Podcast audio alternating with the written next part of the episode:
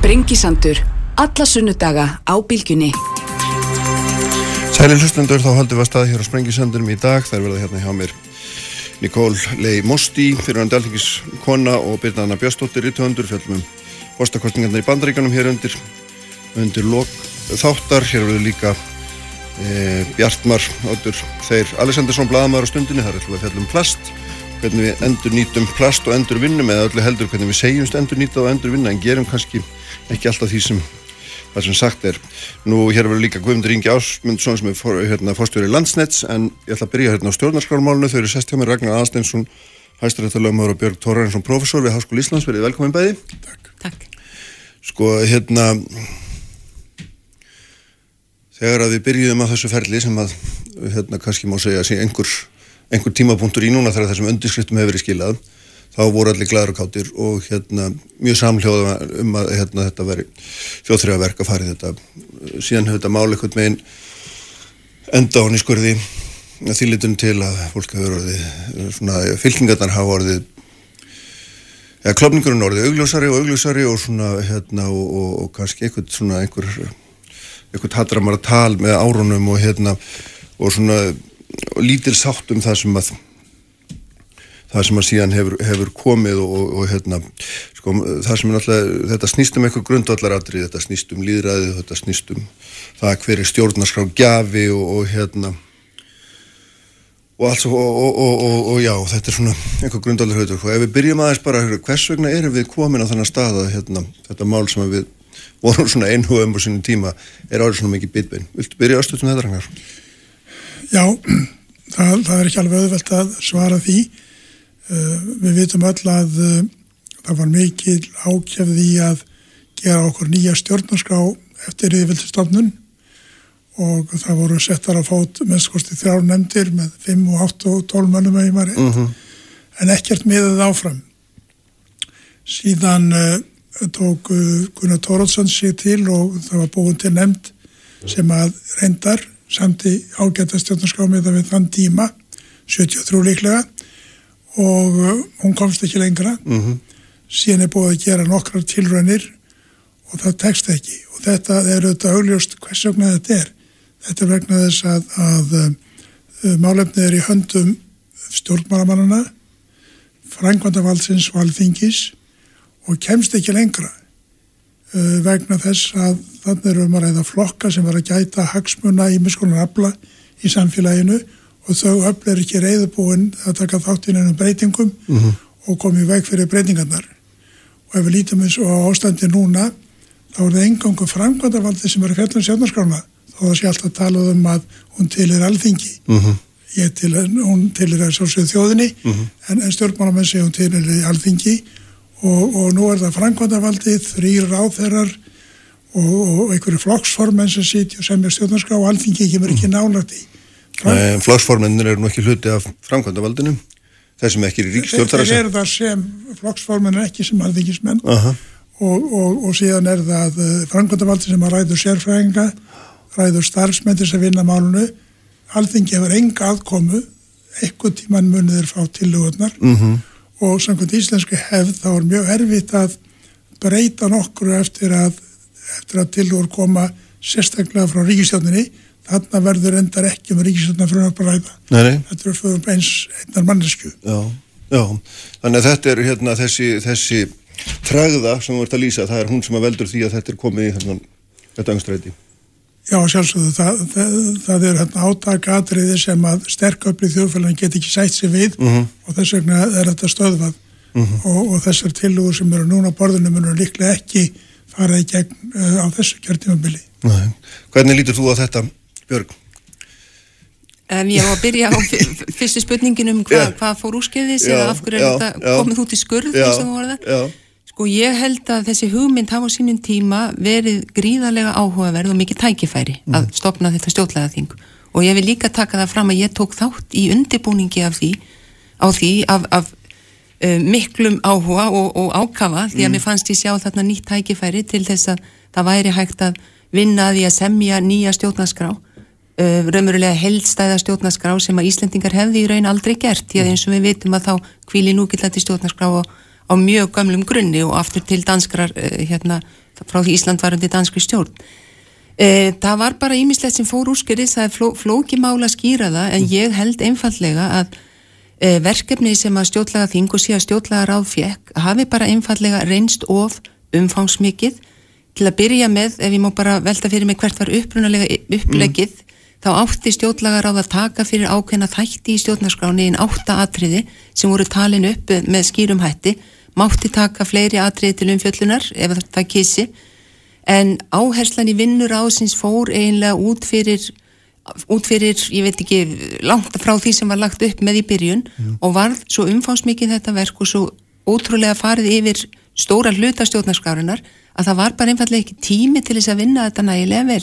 Stjórnlagar á fekk tvo mánuði með reyndar dálítilli framleikingu mm. til þess að geta samið, já eins og þeir ákváðu að, að endur skoða stjórnarskrána frá grunni í öllum atriðum sem að var raunverulega ekki það sem var lagt upp með mm -hmm. og það er svona byrjunapunkturinn á því í mínum huga að ekki tókst að klára verki nægilega vel. Svo mm. gerist það líka þegar stjórnlagar á skilaði sínu tillögum að þá lágu þær óhreyðar hjá alþingi í meirin ár, það var ekkert verið að vinna áfram í málinu, þar tapæði stýrmættu tími til þess að fara betur yfir þetta. Mm. og loksins er að frumarbi kemur fram í lók november 2012 þá voru örfáur mánuður eftir til þess að ræða það til lítar það bara einfallega náðist ekki út af því að tímin var of knappur, það var farið ítalegi yfir til lögurnar, þar voru gaggrindarum margt, þar fengu álit og umsök meðalans frá fenniðanemdini, í ljós kom að það var ekki vilji fyrir því að keira tilugurnar í gegni að þetta frumvarp eins og það hafði reynda breyst nokkuð og var byggt á tilugum stjórnlagarás mm -hmm. það var ekki vilji fyrir því að keira það í gegn á vorið 2013 og málinu laug þar með e, þótt að mögulegt væri að taka frumvarpi upp síðar e, eins og það hafði leiði fyrir 2013 og þá hefur núna verið valin önnuleið sem að ég tel vera skynsanleiri mm -hmm. og það er að taka ákveðna kjarnaþætti til endur skoðunar og ég held að það sé framönda núna í vinnunni hjá þinginu. Mm -hmm. Ég vildi aðeins bæta við Já. að ég tel ekki rétt að segja að alþingi kom ekki nálagt þessu vegna þess að ríkistjótnin er starfandi í umbóði alþingis og það er ríkistjótnin og auðvitað ráðherrar sem eru líka þingmenn uh, sem að starfa í umbóði þingsins þannig mhm. að auðvitað eru náinn tengsl hérna millir ríkistjótnarinnar og mhm. þingsins mm -hmm. og þannig hefur það verið með stjórnarskórbreytingar æfinlega að þær hafa alltaf verið lagða fram af þingmannum sem sé frumvörp til breytinga á stjórnarskroni hafa alltaf verið lög fram af þingmunum en aldrei af rík, ekki sem stjórnarfrumvörp og það er það sem stefnir í núna hvort að verður fórsæðisráður einn veit maður ekki ennþá en það eru allir flokkar á þingi búinir að mhm. koma þeirri vinnu sem nú likur fyrir og ég held að það verkefni e, muni núna réttilega að halda áfram og fá meðferð hjá þinginu. Ragnar sko, hérna, ef maður svona klukar aðeins í það sem þú hefur sagt þá, þá það, kemur það alltaf næri átt heldur mér svo þetta að segja, þú, þú segir sko að hérna, ákvæði stjórnarlagar ásins hafi verið samin af óhagum og sjálfstafum fulltrúum og þar liggi líðræðið og þar sé verið að verið ræna líðræðinu með því að fara ekki að megin dráttum að, að þessu frumvarpi eða til og að frumvarpi. Já, já, það er, það er auðvitað alveg rétt að, að uh, úr því að stjórnmálamannum hefur ekki tekist að setja líðveiturinn stjórnarskrá á 75 árum það var eiginlega ekkit eftir annað en að stopna til stjórnlaða þings Þegar ég fjallaði stjórnlega þingi í viðtalið við Ríkisútöpi fyrir marglöngu þá vildi ég hafa 600 manni stjórnlega þing sem mm. starfaði í tvö ár. Uh, fyrst, uh, fyrst, uh, fyrst ári færi ég að, að sem ég grundtilóðnar sem færi þær út til þjóðarinnar og svo kæmi auðtilóðin tilbaka og þá væri seft niður aftur og eftir tvö ár væri konar tilóður. Mm -hmm.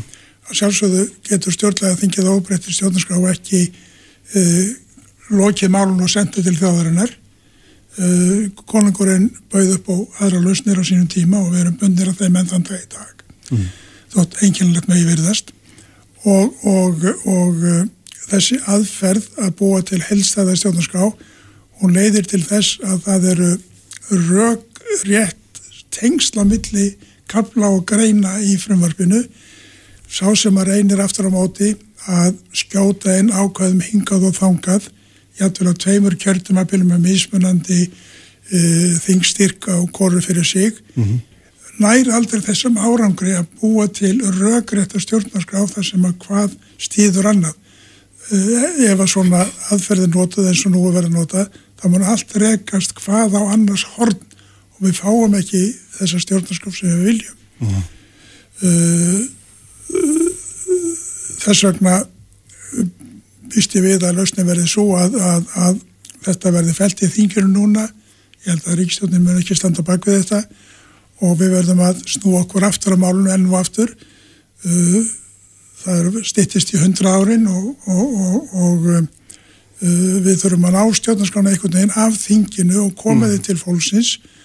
Og fullveldið fólksins er ju klart og allt vald sækir þingi til fólksins og stjórnarskráin er fólkinni því að gefa fyrirmæli til valdhafana um það hvernig við viljum að þeir hegði sér mm -hmm. hvaða valdir fái og hvaða valdir fá ekki mm -hmm.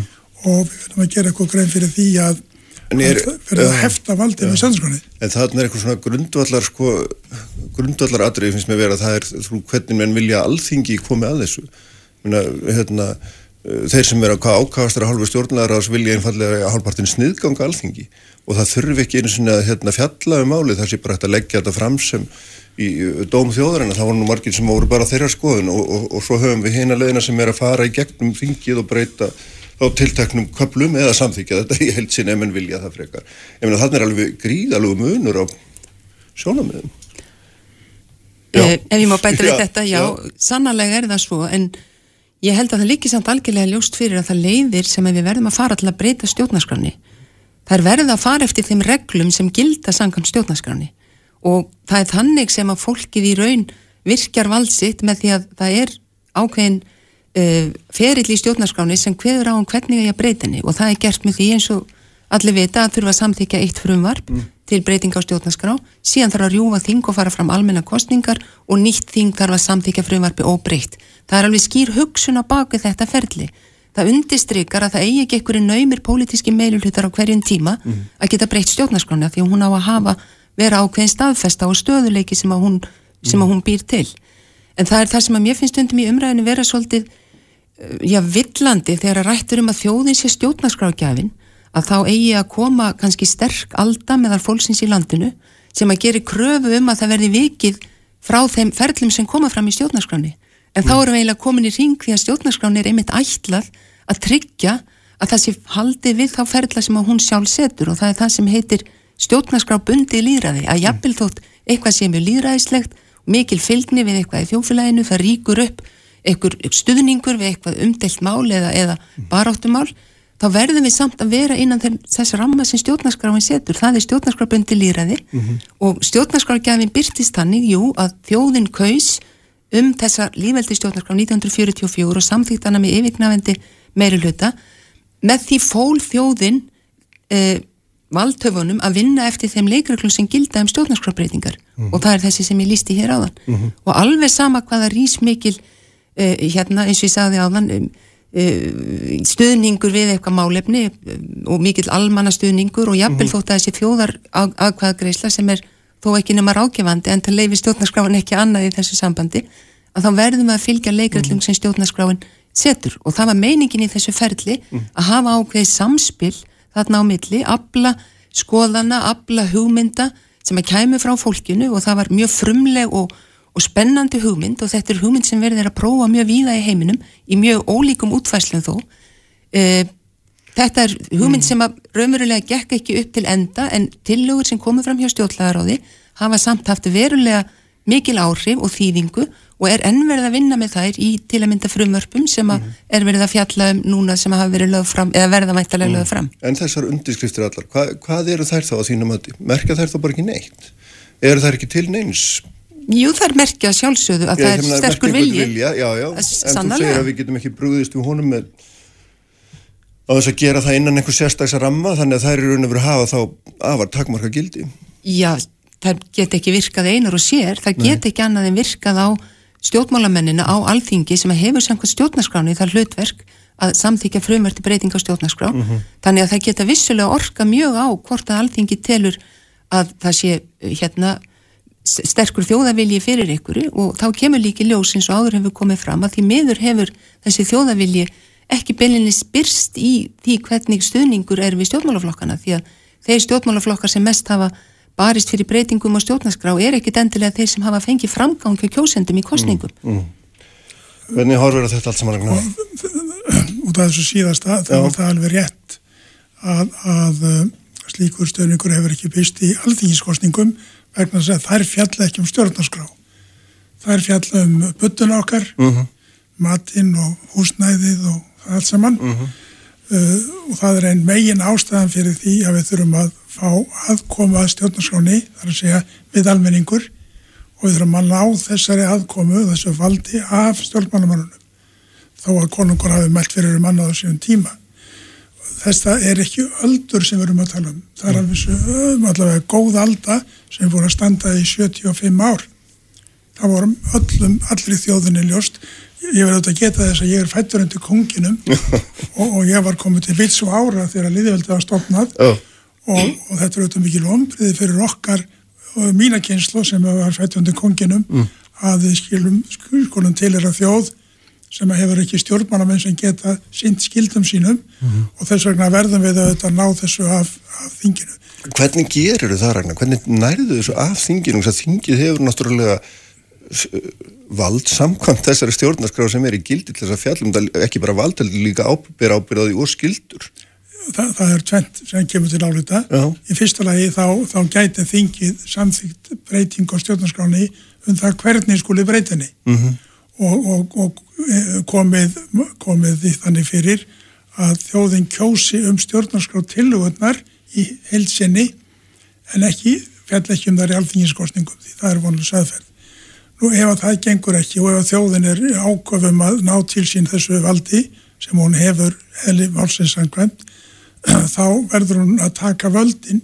Það hefði kannski verið hugsanlegt e, eftir hrunið að fólk hefði sendt þingið og stjórnina heim og, og stofnað til bráðbæra stjórnar og, og stofnað til sem hefði haft að hlutverk að, að búa til stjórnlega þing og semja nýja stjórnarskrá. Ég, ég, ég skil nú ekki alveg hvert þú ert komið núna. Ef þjóðin hefði sendt þingið heim ég, það, hvernig hefði ég, er að velta fyrir mér hvernig þetta hefði bara gerst. Það hefði bara ekki verið með einföld þetta gerist í heimunum það eru byltingar sem að já, gerist. já, ég, veit ekki kann orðið byltinga en ég mynda mér ekki að það sé málið. það, það er, er valdarán. Það þarf ekki að vera að sjálfsögðu neitt blóðugt nei, nei, en þú erst að tala um það ég er að tala um það, já það var vist svona, það var vist, vist stað sem kom upp sem hefði geta leitt til þessara niðurstöðu en, en það voru einhver til þess að leiða slíkt á þeim tíma. En Ragnar, þú, þú ert maður sem hefur helgað lífðitt lögum og reglu. Já. Ert hérna, lögumæður búin að vera í ára tugi. Já. Hvernig getur þú tala fyrir þessu? Vegna þess að það er gert ráð fyrir því í lögum að menn hafi rétt til ansbyrnu mm -hmm. þegar að stjórnvöld ganga á land gegn almenningi. Uh -huh. Þetta er bara viðkend regla í þjóðarætti til dæmis og, og þó við höfum hann ekki sett að íslensk lög þá er hún grundvallaregla sem við getum stuðst við mm. Já Björg, hérna sko einhvern milli við verðum að finna frá því að vera með hérna, þing sem að það sem er, er hópur fólks æfinlega sem setur sest tvert á allt það, það hefur bara verið þannig gegnum tíðina mjög mikið auðvitað hefur ákvönum kabli verið breytt en svona þessum umdeild ákvæðum hefur næst sjálfnast eitthvað meina svona að ræða út í einhvern hörgul og þetta byrjar alltaf aftur upp og nýtt það er hver nefndin og fætur önnar Birgir mm. Almarsson var hérna um daginn, ég held að hann hafi sagt mér hann hafi settið í sex mismunandi hérna, nefndum og er hann þó ekki sérstaklega gammalt maður hérna, þó hann hafi verið tölvöld mm. lengi að þingi það sem að þetta eitthvað megin, hvernig getur við list úr þessu Ég held að það sé alveg, hmm. alveg hægt að leysa úr þessu ef að menn eru viljur til þess að horfa til þeirra breytinga sem þarf að gera á stjórnarskránni en festi sig ekki í ykkur hugmyndum að eitthvað ferli sem að fóra stað fyrir ykkurum árum að það verði að ráða án tillits til þess hvert er intak og efni þeirra breytinga sem á að gera. Mm -hmm. Það finnst mér stundum vera í máli þeirra sem að haldi upp í kröfu um að þessar tillögur eigi að fara í gegn eins og þar voru samþygtar af því að þetta ferli var svo einstaklega líðræðislegt. Mér finnst það eiginlega ekki bara standa skoðum því að við verðum að fara ofan í það hverju viljum við breyti stjórnarskrani mm -hmm. og það komu þetta upp sömu mál sem er deltum og hafa gert í áraræði við getum tekið fyrir auðlinda ákveðið við getum rætt um ákveði um uh, náttúruvend og, og, og umhverfismál. Uh, þetta er, og forsetin til dæmis sem að ja. þetta eru þessi klassísku mál. Ég held að það sem að sé rétt að gera núna í stöðinni sé að horfa á þar sem er eru ákvæði sem er umverulega mögulegt að gera breytingar og vanda vel til þeirra mm -hmm. og nú eru þessi frumar sem ég var nú aðeins að kynna mér, ég hef ekkert komið að samningu þeirra til dæmis um náttúruauðlindir og, og, og, og hérna umhverfismál mm -hmm. Þetta eru gríðarlega ídaleg frumvörp, þetta er nú eitt lengsta frumvörp sem ég hef séð því að þetta eru aðskilin frumvörp og það sem fjallar um náttúruauðlindir, það er lengst allra mm -hmm. og það fer í ídalegu máli yfir þær hugmyndir sem hafa komið fram í kjökkum tíðuna, það tekur sérstaklega til vísa til tillagna stjórnlagaráðs, það gerir úttekt á því hvernig þetta speklast inn í þessari niðurstöðu sem þannig er komin. Ég held að það sé bara stundum komið að einhverjum endapunkti mm -hmm. að það sé hægt að vinna með einhverjur hugmyndir og einhver tiltekin ákvæði og ég tel að í þessum málefnum sem að núna líka fyrir þinginu það er líka verið að tala með um endur skoða eða á að leggja fram frumarpum breytingar og öðrum kabla sem fjallar um framkvæmdavaldið og ríkistjórn og ráðherra það er kabli sem er gjörsanlega úrældur í mm. mínum huga og eiginlega samt sko eini kablin í stjórnarskráni sem stendur eiginlega alveg óhreyfður frá 1920 þannig að þegar verið að tala um að hún standi óbreytt í 75 ár þá mm. er það í raun alls ekki rétt því að stóri hlutar hafa verið hérna, endurskoðaðir mm -hmm. en annarkablin sem að var líka eina af ástafanum fyrir því að allt þetta ferli fór að stað hann fjallar hvergi nokkuð staðar um hlutverk ríkistjóðnar, hlutverk ráðherra og uh, eftirlit uh, mm -hmm. með, með stopnunum, það var nú eitt af því sem að brást í aðdragandar hrunsins ah, ja. þetta liggur allt saman á borðinu núna í tillögun sem hægt er að vinna eftir og ég er ekki svart sín á að við náum fram einhverjum framförum í þessu og ég held að ef að menn fara að horfa á þörfin á að, að hérna, efni þeirra tilagna sem mm -hmm. líka fyrir og, og vikið aðeins frá hugmyndinni um þetta ferli sem að fór eins og það fór mm. að þá held ég að við höfum alveg góðan möguleik á að ná góðum árangri í stjórnarskróbreytingum Þetta er ekki alveg rétt hjá hjá Björgu að uh, það sé ykkur hópur manna sem vilji binda sig við textan frá stjórnlaga ráði þjóðin fjallaðum þetta og vildi leggja þær til og til grundvallar við vitum alveg hvað það merkir það merkir að það verður unnið út frá skipulagi tillagnana mm -hmm. en síðan verður farið í það sem kunna vera annmarkar og þeim breytt og, og, og mótsegnir ef um þær er ræða því verður breytt þannig að, að, að uh, það er ofast að orði hvernu að segja að einhverju vilji uh, eða þjóðin hefur viljað á þetta orðrétt og breytt en, en uh, því meður sagan kennir okkur enn og aftur að alþengi ræður ekki við þetta hlutverk og ég hef búin að segja það og segja það aftur mm. vegna hagsmennagenslu fyrir sterköfli í þjóðfélaginu. Og, og til að mynda hvernig getur hvernig getur sumur flokkar stutt að að, að náttúrulegundi verði þjóðaregn það eru alveg útilokaðir getið það. Mm -hmm. og, og, og nú hefur stærsti flokkurinn að þingi líst yfir að það eigi ekki verið þjóðaregni yfir höfu það er að sinna COVID-málum í staðin mm -hmm og, og síðan hef ég heyrt bæði í fórustuminni stjórnmálum og stjórnmálafræðinga tala um að þingmenn sé ekki bundir af nema samferðingu sinni. Það er auðvitað alveg kólránt þeir eru bundir af stjórnarskáni og lögum á hverjum tíma. Mm -hmm. og, og, og um, í stjórnarskáni þó hún minnist ekki á líðræðinum á ská að þá, þá er hún byggð á líðræðis viðhorfum og þar af leiðandi þá verða menn að taka tillit til þeirra vegna þess að það er í stjórnarskáni mm -hmm. þeir get ekki bara sagt já, okkar, okkar uh, uh, samferðingar svo að það er að koma þræla halda nýju stjórnandi þræla markaða mm -hmm. það mun ekki, það mun það stangast á stjórnarskána þannig takmorkum við vald þessara manna sem við kjósum á þing mm -hmm. og gefum þeim fyrirmæli gegnum stjórnarskána mhm. og, og framhjá því munu þeir ekki komast eins og er gallins á í okkar stjórn okkar domkerfi að ef að þetta með þrælahaldi er því sett á aftur að þá möndu dómstólur ekki geta fjallaðum að hér á landi vegna tildingina regla sem að segja að ekki sé hægt að fjalla um málnum að viðkomandi aðili hafi einstaklega lagvöla hagsmunni að því að fá dóm, allt mm. annars séu lagspurningar og dómstólum kom það ekki við. Mm -hmm. Okkur vantar stjórnlagadómstól. Uh -huh, já, er, sko, nú, nú stöndum við ragnar fram með fyrir þessari stöðu sem er núna sú, og, og, sú, að, sem er svo að þessi vinna stjórnlegaráðs hún, hún fór ekki eins og menn margir óskuðu sér. Þa, það er alveg ljóst. Og við þurfum að finna einhverja málamiðlun ef við ætlum að halda þessi máli áfram. Já það gerist ekki öðru sem þannig að almenningur þreyti alþingi. Já. þannig að alþingi að lokum áti undan og, og, og fari aðra leið með því að breyta breytingar ákveði stjórnarskrárunar. Mm -hmm. Það er hinn öðvelda löst og þannig er hægt að koma málinu áfram. Þá verður fjallaðum stjórnarskráruna á einu kjörtímabili, ekki mm -hmm. tveimur því að það leiðir til mótsagna mm -hmm. og síðan verða þær tilugur sem að tilverða lagðar fyrir þjóðinni þjóðaratkvæði og þetta þarf fólk að fá að koma að samningu stjórnarskárunar. Ja, þú ert að lýsa einhverju átakaferli millir þjóðar og þing sem sagt að þjóðin að þreita þingið, hún á ekki að láta þingmenn í friði, hún á að safna undirskriftum og hamast já, eða einhverju hluti hennar allavega. Já, það er, það er eins og hvað kallar álega Ragnar jámeti þjóðar og þings. Já, já, já, það er mikið. Við þurfum að brúa hann einhvern veginn. Já, já, nákvæmlega, en þú ætlar að gera það með þessu, já, hvernig Sko, já, ég veit ekki, hvernig sér þú leið út úr þessi björg? Ég er ekki ámyndli þjóðar og þings eða hvað? Ég, það getur auðvitað gerst í einstaka málum og það er passandi að tala um það þegar eitthvað stór mál kemur upp eins og mm. hefur alltaf sínt sig á síðustu árum þegar að fórsetið neytaði að staðfesta lög og það fór í þjóðaratkvæðagríslu. En ef það var alveg gjá á milli þjóðar og þings mm. um einhvers konar meiri hátta málefni í samfélaginu, þá getur það ekki annað gerst, þjóðin velji fulltrúa sína á þingið til þess að fara með sína hagsmunni og málefni eins og hún vil. Mm -hmm.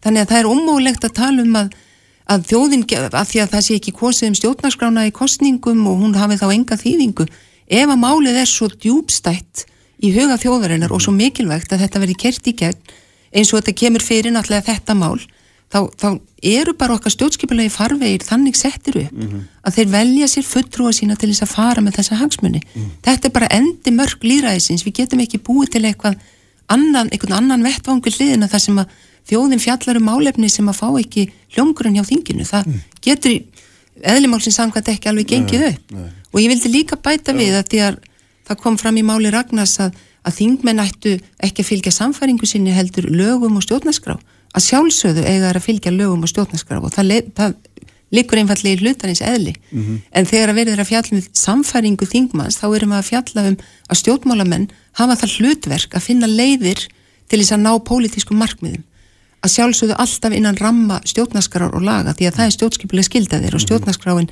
einfallega gerir þið fyrir að þeir beiti samfæringu sinni til þess að brjóta stjórnarskrána, það hefur aldrei verið hugmyndin mm. en samfæring þingmanna er það sem þeir hafa til þess að vinna að þeim hagsmunum sem að þeir voru kostnir til þess að vinna að og að velja þær leiðir sem að þeir telja að vera réttar mm.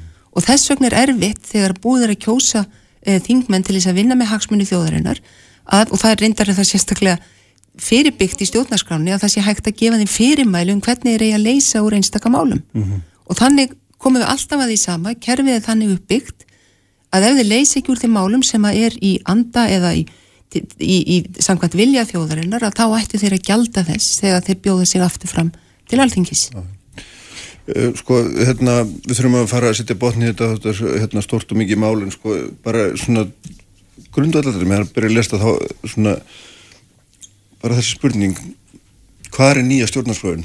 Er einhver ný stjórnarskrá til? Eh, það er, það er það fyrsta og, og hérna og svo er annað sem að reyku sig á sem ég ætla að byggja að það tala um líka.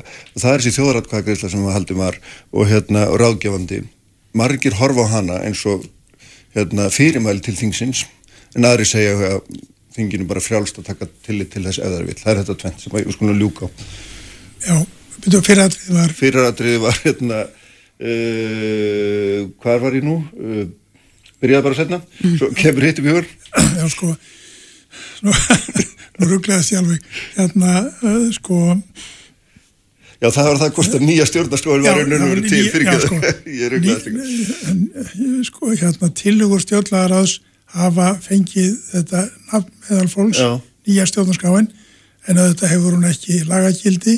Það kann að vera að hún hafi svona viss áhrif á domstóla þegar við förum að tólka komlu stjórnarskóðina þá munum við lágmennu öllast vísa í nýju stjórnarskóðina mm -hmm. og segja svona er þróuninn þannig að, að það er rétt að hún er ekki til í þeim skilningi, hún er ekki verið lögfest mm -hmm. og hitt aðrið sem allum fjallum var uh, var um, það voru þessi það var, nú er ég líka orðin að ruggla það var hérna, þjóðrætkvæðagreislan Já, þjóðrætkvæðagreislan sko, Hvaða máli skiptur hún eru að vera? Sko, hérna, það er fyrir því stjórnskipuleg venja að, að þingið fari eftir nýðustöðum í, í ráðgjafandi þjóðrætkvæðagreifslum mm, mm. á Íslandi og um, með stjórnskipunafræðinga til dæmis í Danmörku þar sem hefur verið fjallatöluvert um slíkt að þá eru allir stjórnskipunafræðingar samánuð um það að uh, ráðgifandi, svo kallega ráðgifandi þjóðrætkvæðagreifslur séu bindandi því annars væri þar bull og vittlösa. Mm -hmm.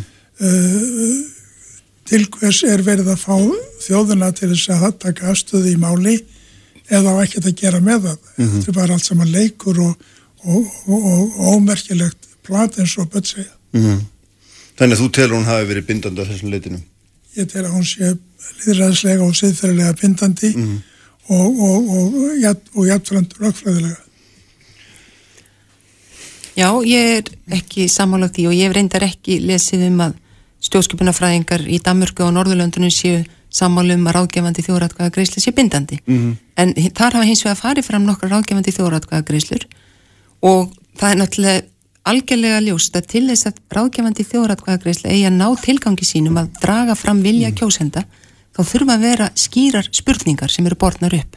Það hefur gerst hér á Norðurlöndunum að það hefur verið spurt á að gangi Evrópasambandi já eða nei. Mm -hmm og þarna hafa orðið niðurstöður sem að pólitískur eh, valdhafar hafa fyllt vegna þess að þetta hefur verið raunverulega þurft að leita eftir vilja þjóðarina til skýrar afmarkara spurningar mm -hmm. þar sem svari hefur verið skýrt þótt að hafi verið tæft til dæmis í Noregi uh -huh. og reyndar, já, reyndar í öll, öll líka í, í Svíðjóð og í, í Finnlandi en Danmörk er reynda með innbyggða í sína stjórnaskrá sérstatt ákveðu um að það skuli fari þjóðratkvæðagrísli ákveðu mál sem að fel í sér til dæmis framsal ríkisvalds Aha. sem okkur vantar Já.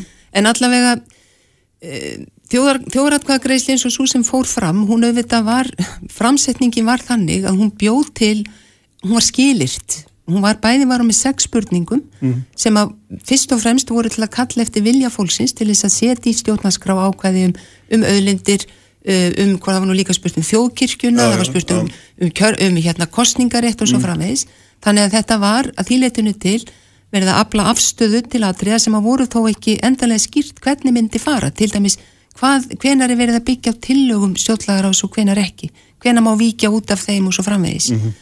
Þannig að vissulega var þetta vísbendingum uh, það hvað, hvernig menn vildi sjá málið vinnast áfram, en það týðir ekki að skjali sér slíkt eins og það var lág fyrir á þeim tíma, mm -hmm. hafi nokkus konar, já, engan veginn lagalega skuldbindingu og þýletinu til er ekki hægt að tala um nýja stjórnaskrá en að elli málsins samkvæmt fyrir þeim sem er að berjast fyrir þessu máli að þá er þetta í huga þeirra eitthvað sem ætti að vera nýja stjórnarskráin mm -hmm. og þeir kalla það þá nýju stjórnarskrána en mér finnst bara að skipta máli að það komi e, fram í umræðinni að það sé ekki ykkur vafi á því hvort það sé nýja stjórnarskráið ekki en það er mm bara mikilvægt að ræða þetta mm frá öllum liðum. Mhm. En það er skipt í þínum huga að það er ekkert neitt til sem heitir það er veru.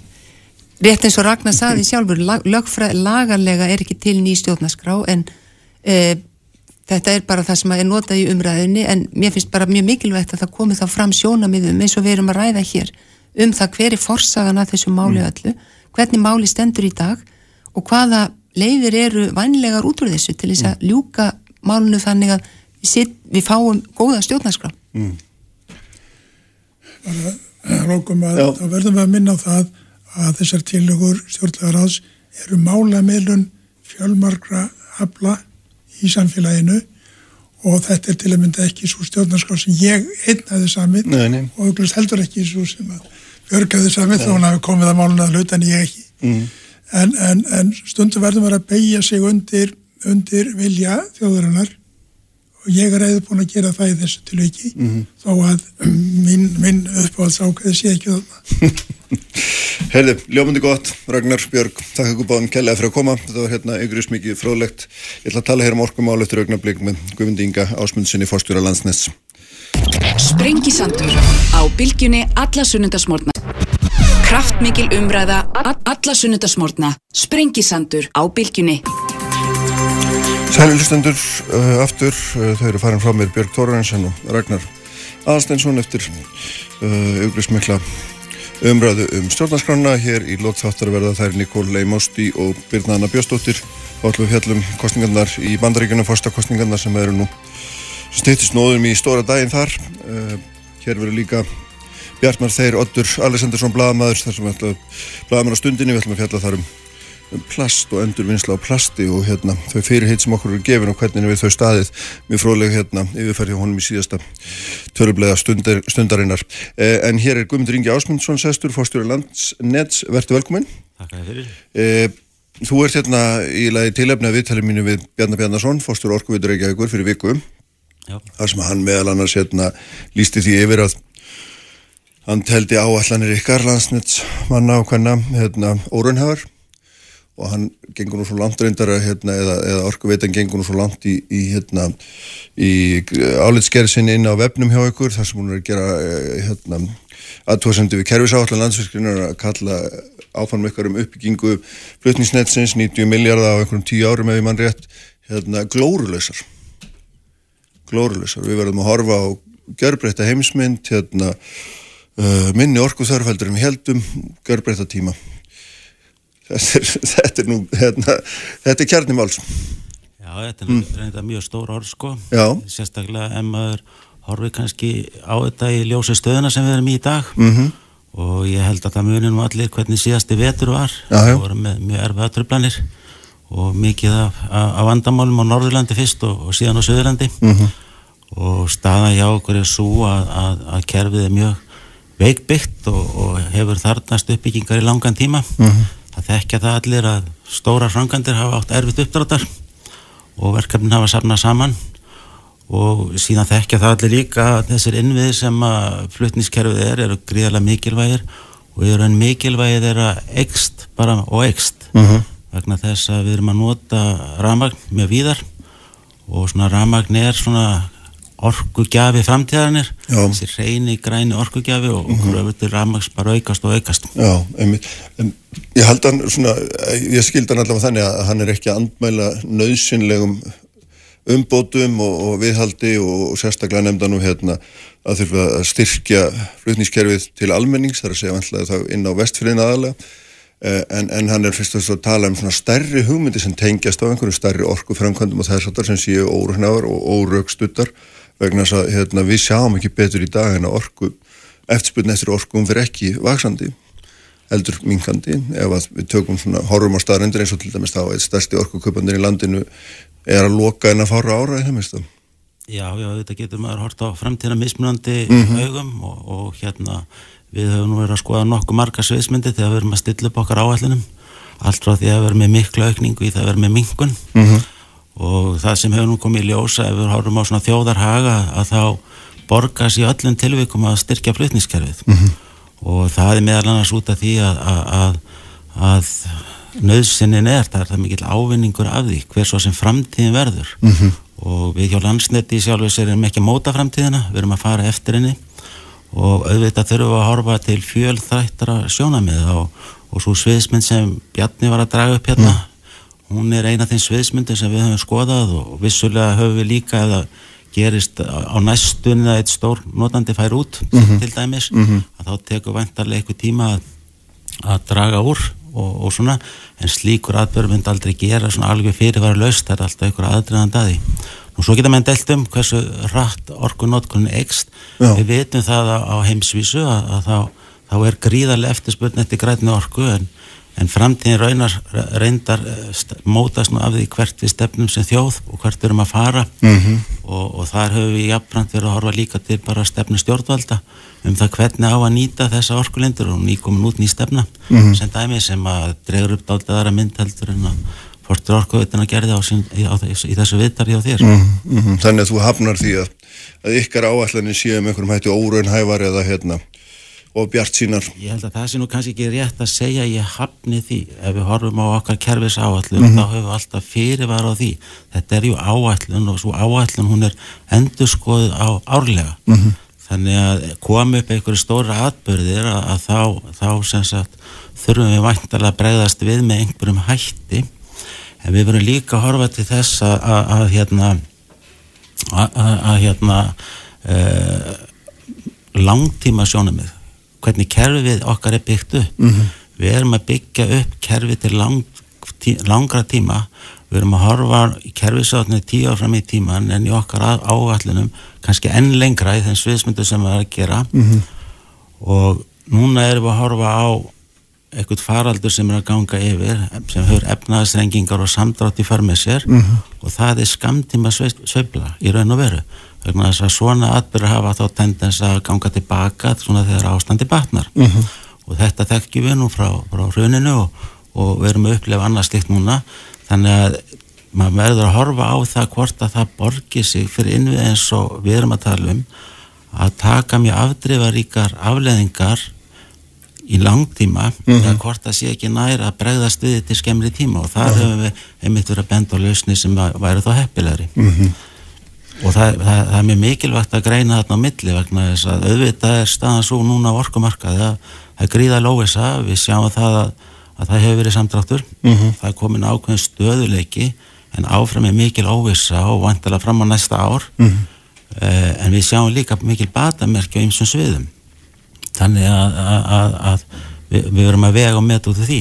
Mm. ef við ætlum að fara að bregðast við í raun þessari óvissu núna kakvart COVID að þá er það orðið á sent vegna þess að það er framkvæmdir sem við erum í gangi það eru þær sem hafa áhrif á verðlagninguna uh. á næstu árum uh.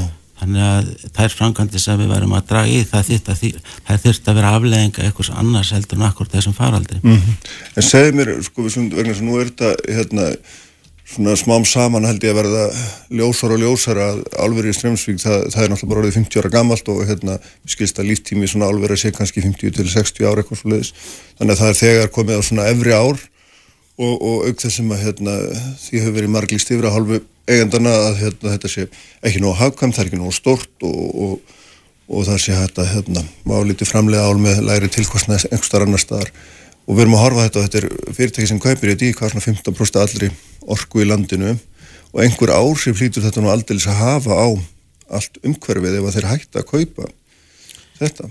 Jú, jú, eins og ég segi, þetta er náttúrulega stór atbyrður og raungerist hann mm. að þá mun hann vantalega hafa talsveit mikil áhrif mm.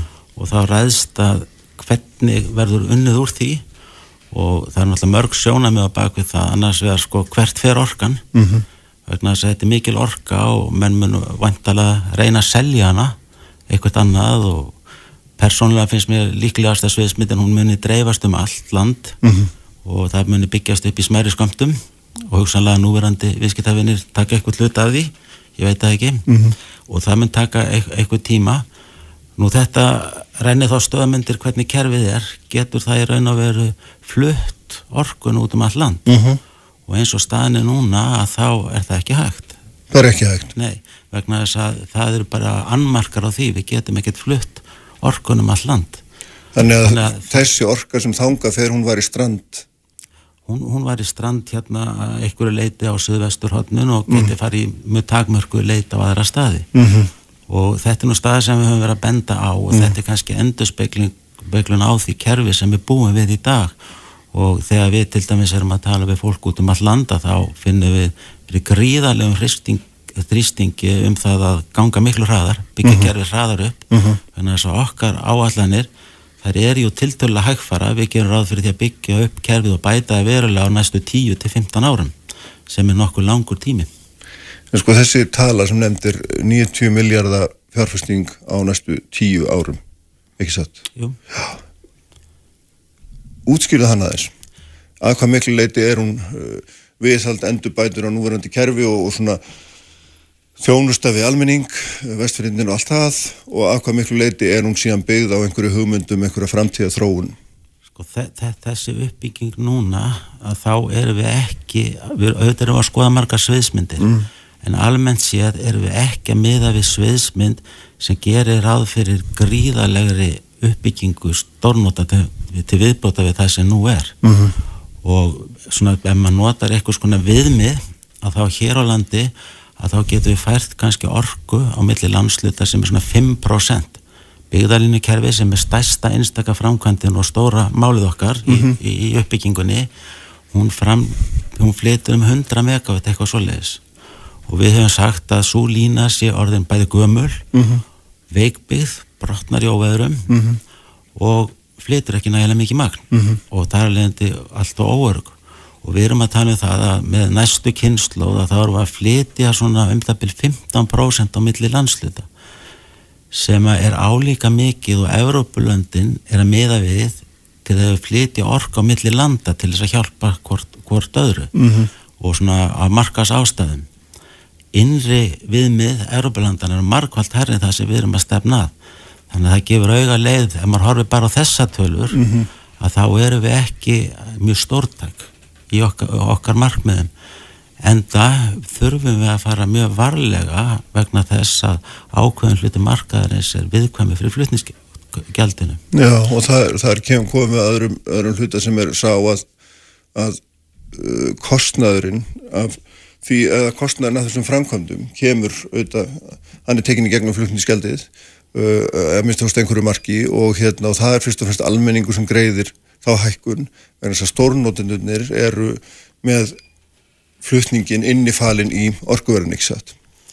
Já sko við erum alltaf með sér gældskrá landsnett og mm. það borga allir þá gældskrá. Gældskrán er tvískipt eins og nefnir, mm -hmm. það er annars vegar gældskrá til almennings eða dreifi veitna í okkar tilviki Já. og svo til stórn notenda og endan er borgan alltaf notendurnir okkar fluttniskostna hvernig svo sem útfæslunar eru hjá mm. orku framlegandana hvort að þeir takja ábyrð á, á samkeppnisættinu með ekki uh -huh. eða, eða sem nefnir sjálfsættinu með ekki það mm. getur verið mismunandi mm -hmm. nú fyrir almenning þá held ég að hækkanir hjá landsneti vegi ekki þungt í samanbyrði við ákallið um aukið öryggi og betra aðgengi á orkunni einfallega vegna þess að fluttniskostnaðurinn hjá, í, í reikningi almennings er svo lár. Við erum að tala um kannski 13% held ég hérna á Reykjavíkusæðinu sem fluttningurinn er í, í, í gjaldskráni. Mm -hmm. Þannig að breytingar á þessum 13% Þannig að þegar ég er að borta orkurreikningi með þá er bara 13% af því fluttningurinn og restin eitthvað annað. Já, stórnótendunir eru viðkvæmari mm -hmm. vegna þess að það er hlutvallega herra, þeir náttúrulega borga ekki dreifikostnaðin uh, og, og, og þeir eru viðkvæmari en þó má alveg velta því fyrir sér hvort að svona þeirra kröfur um orku öryggi skipt ekki líka veruleg máli ef við mm. vorum á til dæmis álver að þá getur það verið ramhanslist í 24 tíma, mm. þannig að verða verulega skemmtur og jafnvel eðilast mm. þannig að, að stónvotendi margi hverju gera mjög mikla kröfur um öryggi líka og, og, og vildi gerna búa við tryggt or, or, orkuflutniskerfi -hmm. nú hvað gældskanun okkar varðar í stónvotenda heiminum að þá er hún bara ágætt þannig séð við erum með svona meðal gældskrá í Evrópu fyrir stærri notendur, mm. meðaltali Evrópuríkjana en auðvitað eru land sem að er að bjóða lagri lagri, lagri flutnisgældskrá mm -hmm. það er til dæmis land eins og Noregur mm -hmm.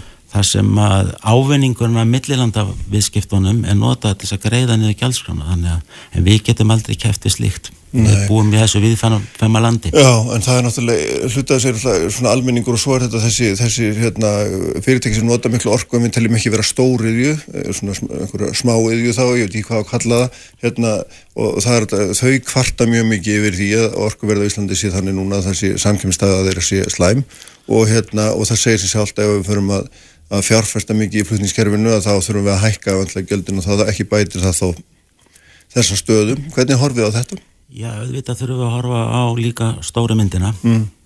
vegna þess að það er að tala um samkeppnishæfni og vissulega skiptir flutniskerri miklu máli mm. og það er meðal annars þess vegna sem við höfum lagt í gríðalegt hagraðingar átaki uppbyggingunni og við höfum til að mynda lækkað rangandakostna okkar á, á loftlínum um 20% það er að 20% ódýrar hver kílómetri sem við byggja núna heldur við vorum að gera fyrir nokkrum árið síðan mm -hmm. og, og samt eru línundan sterkari sama gildir um spennistöðuna við erum að ná niður kostnaðan það mikið og jarstrengir hafa lækka ennþá meira en það er kannski ekki allt út af okkar ákvarðun vegna þess að það var líka samkeppnismál sem að skekti jarstrengjamarkaði fyrir nokkrum árum mm -hmm. þannig að það, það, það, það er ein, ein, ein, einn sínin á þetta Nú hinn sínir hann líka sko hversu mikið skiptir hækkanir í flutniskerfinu fyrir heldin og samgefnishæfnina og er það ásættanlegt fyrir þjóðina að, mm. að búa við skert, að, skert öryggi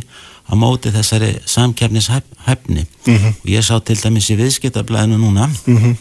að þau þrjú orkufyrirtæki sem eru að selja inn á stórnóttandamarkaðin högnuðust um 32 miljardar á síðasta ári mm -hmm. vissulega er hagnaði þeirra læri þetta árið og hugsanlega næsta ár líka en ef maður horfir á þessa tölu 32 miljardar mm -hmm. í samhengi við okkar fjárfestingar mm -hmm. sem eru 10 miljardar og fara að fresta hluta þeirra það segir líka ákveðna mhm. sögu mm -hmm. um hvar samkeppnisefnin eftir vil liggur Já, hvar var þetta bætana mennarum? Og bætana, já. já, já. En þú ert í grundvættar aðrið sérst ósamála fórstur orðskuvið Reykjavíkur um það að ykkar stefna sé eða ykkar á, áallanir séu glórulösar sem hann sagði hérna, við skulum ekki nota það orð hérna, séu orðunhæfar og þið ættu að fara ykkur hægar þið ættu að setja og stráka ykkar og býða heldur, hérna, er þitt með að þið þurfum að halda áfram með til, til, til hérna, þess að byggja upp kerfið áfram Ég held að sko við, sko, við eigum að taka orð fórstur orkuveitunar alvarlega og mm. horfa á það. Og það er eina af þessum sviðsmyndum sem við sannarlega hefum hort á. Eh, við horfum líka á fleiri sviðsmyndir og við verum að vega með þetta hvað er líklegast. Mm en sem komið er þá höfum við ekki séð svona langtíma áhrif sem gerir það að verkum að við tökum afdreifaríkar af, ákvarðanum frestum framkvæmda. Mm en komið það til að þá munum við vissulega að skoða það. Mm. Vegna þess að við verðum að hafa það í huga að, að við verðum að gera raunaflun á, á hverju ári og reyna bygginn þann sveianleika sem við þurfum. Mm. en við verðum líka að horfa á stöðun eins og hann er um all land og það ákall sem er um uppbyggingu og vega þessi tvö sjónum saman. Mm, En nú er þetta þannig ef, ef, ef við strykum út eitt stórnótanda segjum það bara svona í dæmaskinni að þá, þá hérna blasir við að móti rafvæðing lands og þjóðar, við getum rafvæðin í sanggangun náttúrulega, bílarnir er vikt að þetta mjög lítið en, en það eru aðri þetta sanggangunum sem virka meira að þetta, hérna. Það eru skip og það eru sannlega flugvelar og svo framvegis. Sem minna þar eru við með yfirdrifi nógu orku er það ekki til þess að, að fara með úr stóriðinni og yfir í þetta til þess að sinna öllum okkar þorðum, er það ekki rétt skilið? Það er hægt að stilla þessum, þessum sviðsmyndum upp á mjög marga vegum Já. og auðvitað þarf maður líka að horfa á hvað, hver er stefnan og, og hvert eru fyrirtækin að fara. Mm -hmm. og sögum fyrirtækin eru að fara mjög varlega mm meðan önnur er að marka setja orkuna út um allan heim og er að reyna að koma svona ábætasömmum fyrirtækjum hinga til lands mm -hmm. og, og, og svona selja, koma orkunni í verð. Já, og þú tala um orkusalan þess að Já, bæði orkusalan, landsvirkjum sem já, dæmi HS Orka fyrirtæki. Já. Þau, þessi fyrirtæki eru að eru, er, er með áf, áfum um það að reyna að selja þessa grænu orku. Mm. Nú við sjáum það líka að á framleiðslu hliðinni þá er að verða mikla breytingar vegna þess að það er að koma inn nýr orkugjafi, vindorkan. Mm -hmm. og við verðum vörfið það að það eru verið að skoða fjölmörg vindorku verum all land sum þeirra er auðvelt að tengja við tengjum flutniskerfið en önnur ekki mm. og, og vissulega eru það sjónamið sem við þurfum að hafa vegna þess að verði vilji til að virka vindin hér á landi að, mm. að, að, að þá er það ekki okkar hlutverk að mm. þvælast fyrir mm. er, Ég fannst svona á máli björna að steinar rökum hans að við stæðum ákveðnum tímamótum að því við segjum ekki alveg þróununa fyrir og nú var orkuþörfin eða flutningsþörfin að minga og við ættum að býða aðeins og sjá hva, hva, hverju frammyndi en er, þú veist myndir ekki vera samála því að við séum hann sérstakum tímamótum, þetta er skamtíma og bara COVID, við verðum bara að horfa yfir hana og hérna horfa til lengri tíma. Sko, ég, ég veit ekki hvort ég var að segja þessi sammála eða ósammála. Það er alltaf svo litið Þú getur allavega ekki verið bæði í einu. Sterta, Ég get ekki verið bæði í einu en auðvitað er þetta eina sviðsmyndunum mm. sem gæti komið upp sem hann tegnar upp en sviðsmyndunar eru, eru margar og þessi sviðsmynd sem Bjarni tegnar upp er mm. kannski á, á jæðurinnum það eru líka aðra sviðsmyndir sem gera gríðarlega aukningu. Já. og svo eru sviðsmyndir hérna eitthvað starf á milli. Reynslan segir mig það að, að það er sviðsmyndir sem að endanur á það eru eitthvað staðar þarna, þarna á milli. Mm. En auðvitað þegar staðan er eins og í dag að einna stórnótandum hugsanlega geti farið að þá verður við að hafa einhvers konar plöndis að bregðast við því mm -hmm. og við erum náttúrulega í mjög góðum sambandi við alla okkar viðskiptafinni og Ísal er náttúrulega einn af okkar viðskiptafinnum og fylgjumsgrant með við erum líka með samning við alla okkar stórnótendur mm -hmm. og þetta eru langtíma samningar þannig að við hefum ekkert sérstaklega vonað því að það verði ekki aðdraðandi að því kjósi fyrirtækið að loka mm -hmm. sem við vitum ekkert ennþá Enni. En þá verðum við bara bregðast í þeirri stöðu þegar hún kemur upp mm. Já, ljómandi Seymund Bílugumundur, takk fyrir að koma og uh, ég ætla að halda það hérna áfram með Bjartmarinn þegar Otti Aleksandarsinni, blagamanni hérna eftir augnumlík Sprengisandur á bylgjunni Sprengisandur. Alla sunnudaga á bylgjunni.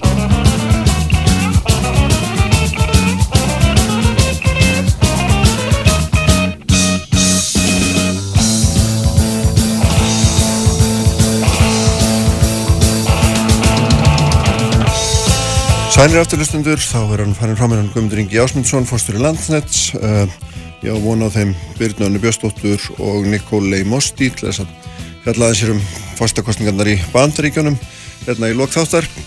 En sestur í hjá mér, Bjartmar Ottur, þeir Alessandarsson, bladamæður, velkomin. Sæl. Og fyrirgeði ég hérna rugglaði röðin á millinöfnunum aðan. Þú ert ekki svo fyrst. Nei, ég trúi því. Bjartmar Ottur þeir, þá voru að fjallum sorpum mm -hmm. þá varstu búin að liggja yfir málum sorpu lengi og hérna og það var hérna, var mjög áhugavert það sem þú leytir í ljós. Og nú erstu búin að vera eiginlega frá þeim tíma í fjóra mánuði að skoða plast.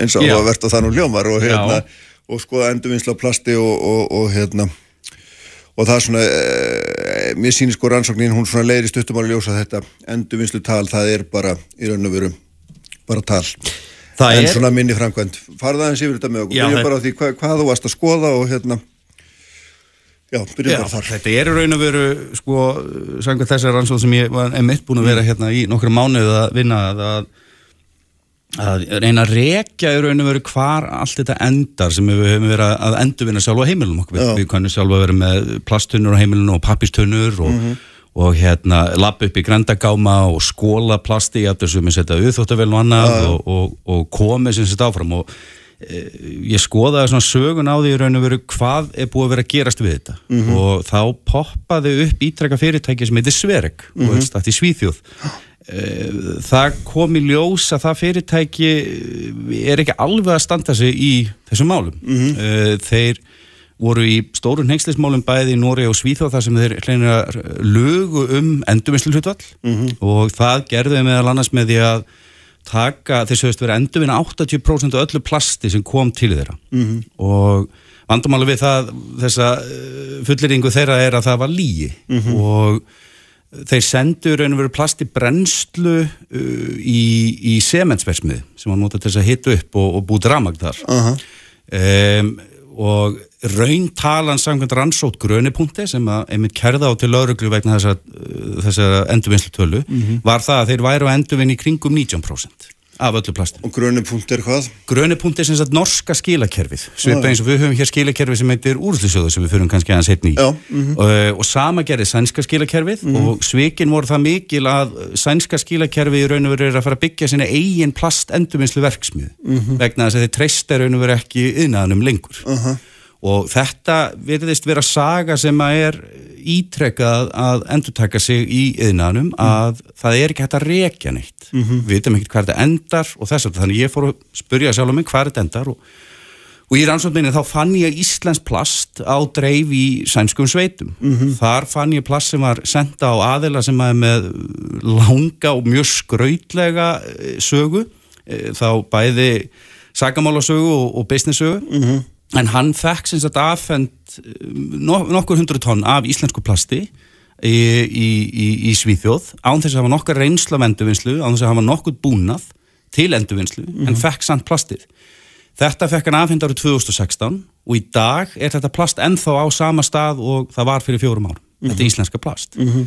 eh, síðan var Sverek einmitt líka að eh, samkvæmt lauruglansókn í Lettlandi að þar brunnu 23.000 tonna plasti og þar af voru 11.000 tonn frá Sverek mm -hmm. og þannig raun og veru og þetta er það sem ég kom stað og komum að vita hvað er þá meira sem að, maður gæti ekki að því mm. samkvæmt uh, lettnensku lauruglunni að þá voru útflutningspappirar falsaðir mm -hmm. hjá Sverek -hmm. til Lettlands Þannig að slóðin er mjög erfið að rekja þegar þú hefur ekki aðgangað gögnunum og þau eru ekki að svolítið ofinber. Mm -hmm.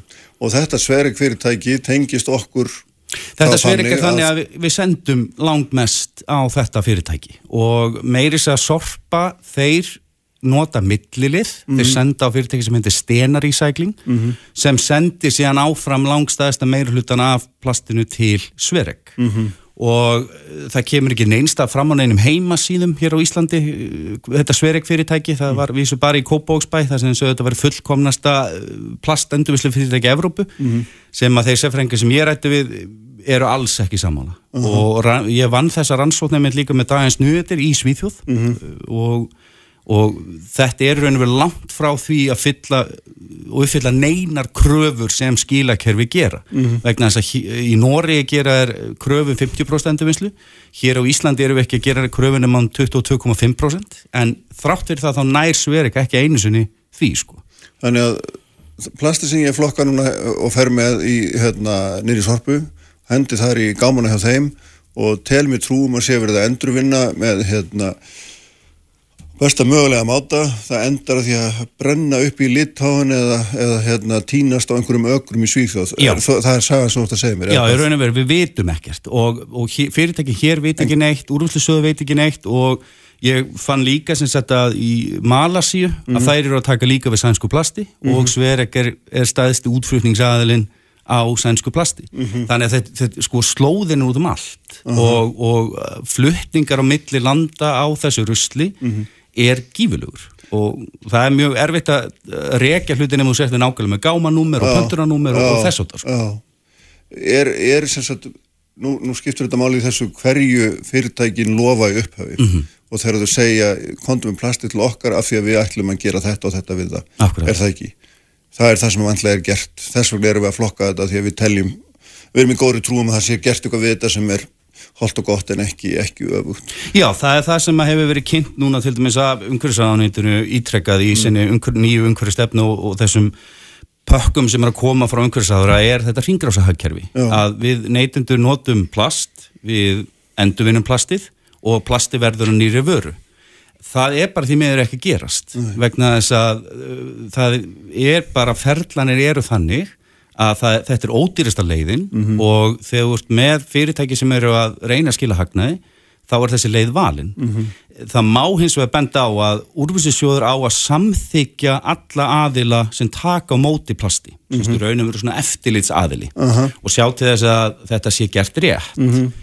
eh, ég rætti við Óla Kjartason framkvæmtastur á úrvísisjóðs og hann í raunum verið vissi af þessu svindli en fannst það, það í læg. Það varst að vísa til aðan. Já. já, og það var með þarna, einmitt sementsvesmiðuna, það sem þetta var bara brent. E, þegar normen komist að því, mm -hmm. þá mhm. löguðu þeir alla tölfræði um plastendurvinnslu. Uh -huh. Það þurfti að leiða þetta alveg aftur í tíman. Mm -hmm.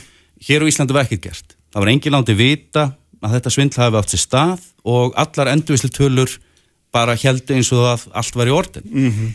Raun og veru eru það líi endurvinnslu tölur sem eru ofinberi í dag mm. er ekki nála sannleikunum mm. og umhverjastofnum staðfesti þetta í raun og veru.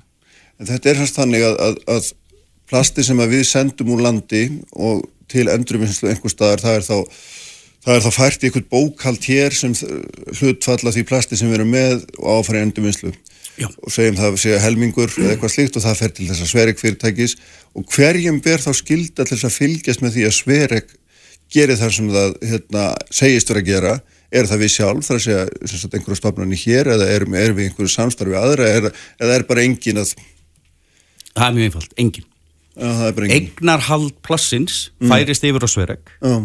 og þeir með að gera það sem sínist með uh, það er engin áhuga á í raun og veru að skoða mm -hmm. hvað það endar, -hmm. hvað það verður úr því -hmm. og mhm. þess að það og þetta hefur verið að gerast bara síðan 2014 svo ekki því sem ég gett fara aftur í mhm. og skoðað Nú í fyrstu þá var mér neitað um þessa tölur. Mér var neitað að fá að vita hver senda á hvað, hvaða fyrirtæki senda á sveið. Hvaða fyrirtæki Já. Íslands sendu. Akkurat og ég þurfti að kæra það til uh, kærnemdar upplýsingamála mm -hmm. og, og fekk það að ég mætti fá þessar upplýsingar. Og mér fannst það afskapla skrítið að fyrirtækin sem að eru að marka sitta sig og auglýsa þessu mm -hmm. endurvinnslu og, og eru umhverfisvæðin á þess að þar, mm -hmm. vildi ekki leifa fólki að vita hvar plastið er endaði. Uh og, og þegar það kom í ljósa þá náttúrulega sínir það að þetta er raun og veru miklu meiri peningabusiness heldur en umhverfisbusiness vegna mm -hmm. þess að samkvæmt okkar heimildum að þá er svereg ódýrista leiðin fyrir fyrirtækinn til að losa sig við plast Já.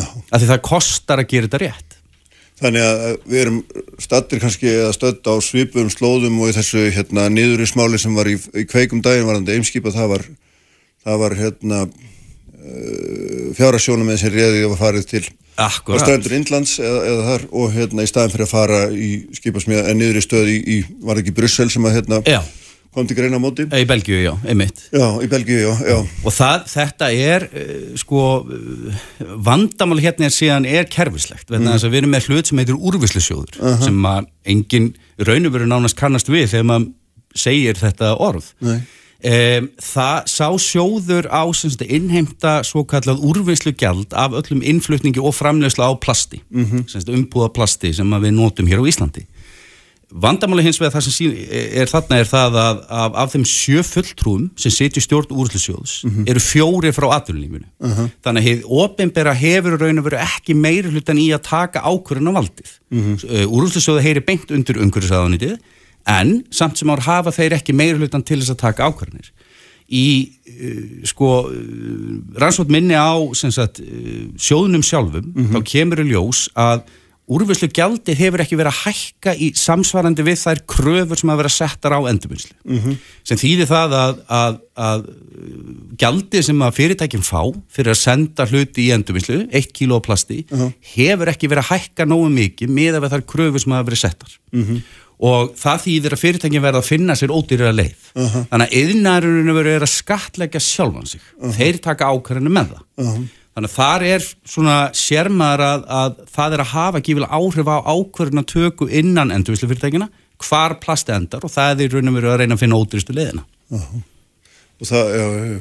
og síðan hérna svona því að Það er þetta Martís og það er það sem eitt af því sem verðt að skoða þessi úrvinnslu sjóður nefnilega nákvæmlega og hann tengist auðvitað sjárútveginum mjög stert því að það ertu líka hérna, fjallað um það hvernig svona menn standa við stóru orðin þarum að, að sko hérna endur nýta eða, eða koma veiðarfærum í, í endurvinnslu Akkurát. sem við verðum nú allavega samkvæmt tínum uppsingum ekki ekki standa okkur sérstaklega vel í það verðast aftur vera tölur ekki alveg rétt að vegna þess að sangat SFS þá endurvinna þeir 92% öllum veiðafarum í Íslandi uh -huh. uh, en þegar kílofjöldinu skoðar af framlýslu og innflutningi versus það sem er síðan endurvinnur af þeim. -huh. og það sem er síðan urðað sangat tölum umhverfstofnunar þá er þetta kringum helming við erum ekki að ná að gera meira -huh. og Það sem er líka sérstætt er það að SFS, þessi samtök sem er einmitt með fulltrúi stjórn úrslusjóðs, greiða nánast ekkert í úrslusjóð. Vegna þess að þeir eru með sér samning, 15 ára gamlan, sem hefur ekki breyst í 15 ár, við úrslusjóðum að þeir eru að sjálf vera að sjá um að ganga frá sínu veiðafærum. Mm -hmm. Og þannig að það er engin aðri sem fær borga fyrir að, að, að koma með endurvinnslega þess að þeir eru bara að sjá um þetta sjálfur. Mm -hmm vandamáli hins vegar er að það er bara ekki að gerast vegna þess að þeir urðunarstaði sem ég rætti við mm. þá er þetta út um allt og SFS hefur núna í næri tvö ár ekki enþá sótt nokkuð tonn af veiðafærum sem eru stótt á snæfisnesi mm -hmm. og það er raun og veru sangvað samningnum þá á ekki að urða veiðafæri mm -hmm. en í samningnum er líka mjög sestug ákveðisett vandi hreinleika netana þannig að ef það er eitthvað skítug eða eitthvað svona af þeim að þau telja mm -hmm. þá getur það neita að taka við þeim. Mm -hmm.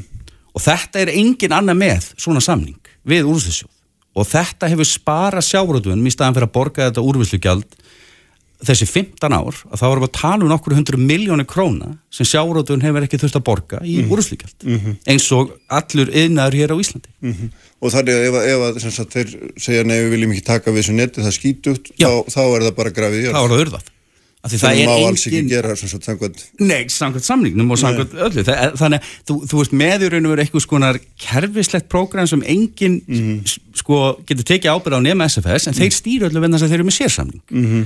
þannig að, að það er svona mjög skemmtileg bjúrokrasija sem er komið þar upp varðandar einan á endurvinnslu markmiðum -huh. og meiri þess að samkvæmt samningnum sko þá eru þeir með 60% sem að þau þurfa að endurvinna netónu sínum mörg ári eru, eru stundum að ná því þegar þú skoða tölunar, mm. önnur ekki mm -hmm. eh, vandamáli sem við erum að samninga er það að hann er óuppsegjanlegur það er það sem var sett í samningin að mm. ein, eina aðeins sem á segja upp þessum samningi -hmm. er SFS nema að þeir gerist brotlir uh -huh. og það viðkendi fyrir mér starfsmæður úrslusjóðs að þeir hafi gerst brotlir með til dæmis að sækja ekki þessi neti á snæfisnis og högnum -hmm. þar -hmm. Samt er ekkert gert, af því mm. þeir sitja í stjórn útlýsjóð sem tekur sér nákvörðun um hvort það er mm. rifta samningum ekki mm. þannig að, að, að þetta er mjög furðulegt hjá að sjá þegar fólk er að tala um samfélagslega ábyrð eh, við erum að sjá eh, fyrirtækja að fá umhverfisveljum til dæmis Terra mm -hmm. sem einmitt líka var að senda plast á Svereg uh -huh. og er og, en, en í, það virðist ekki vera neitt bak við þessu orð þegar kemur að þessum málum mm -hmm. og það, það hefur gífilega áhrif á tröst alminningsgagvart endurvinnslu og þegar þetta neyksleismál kom upp í Svíþjóð að þá sáu þeir að það minkaði endurvinnsla í Svíþjóð á plasti, fólk misti trún á kerfi uh -huh.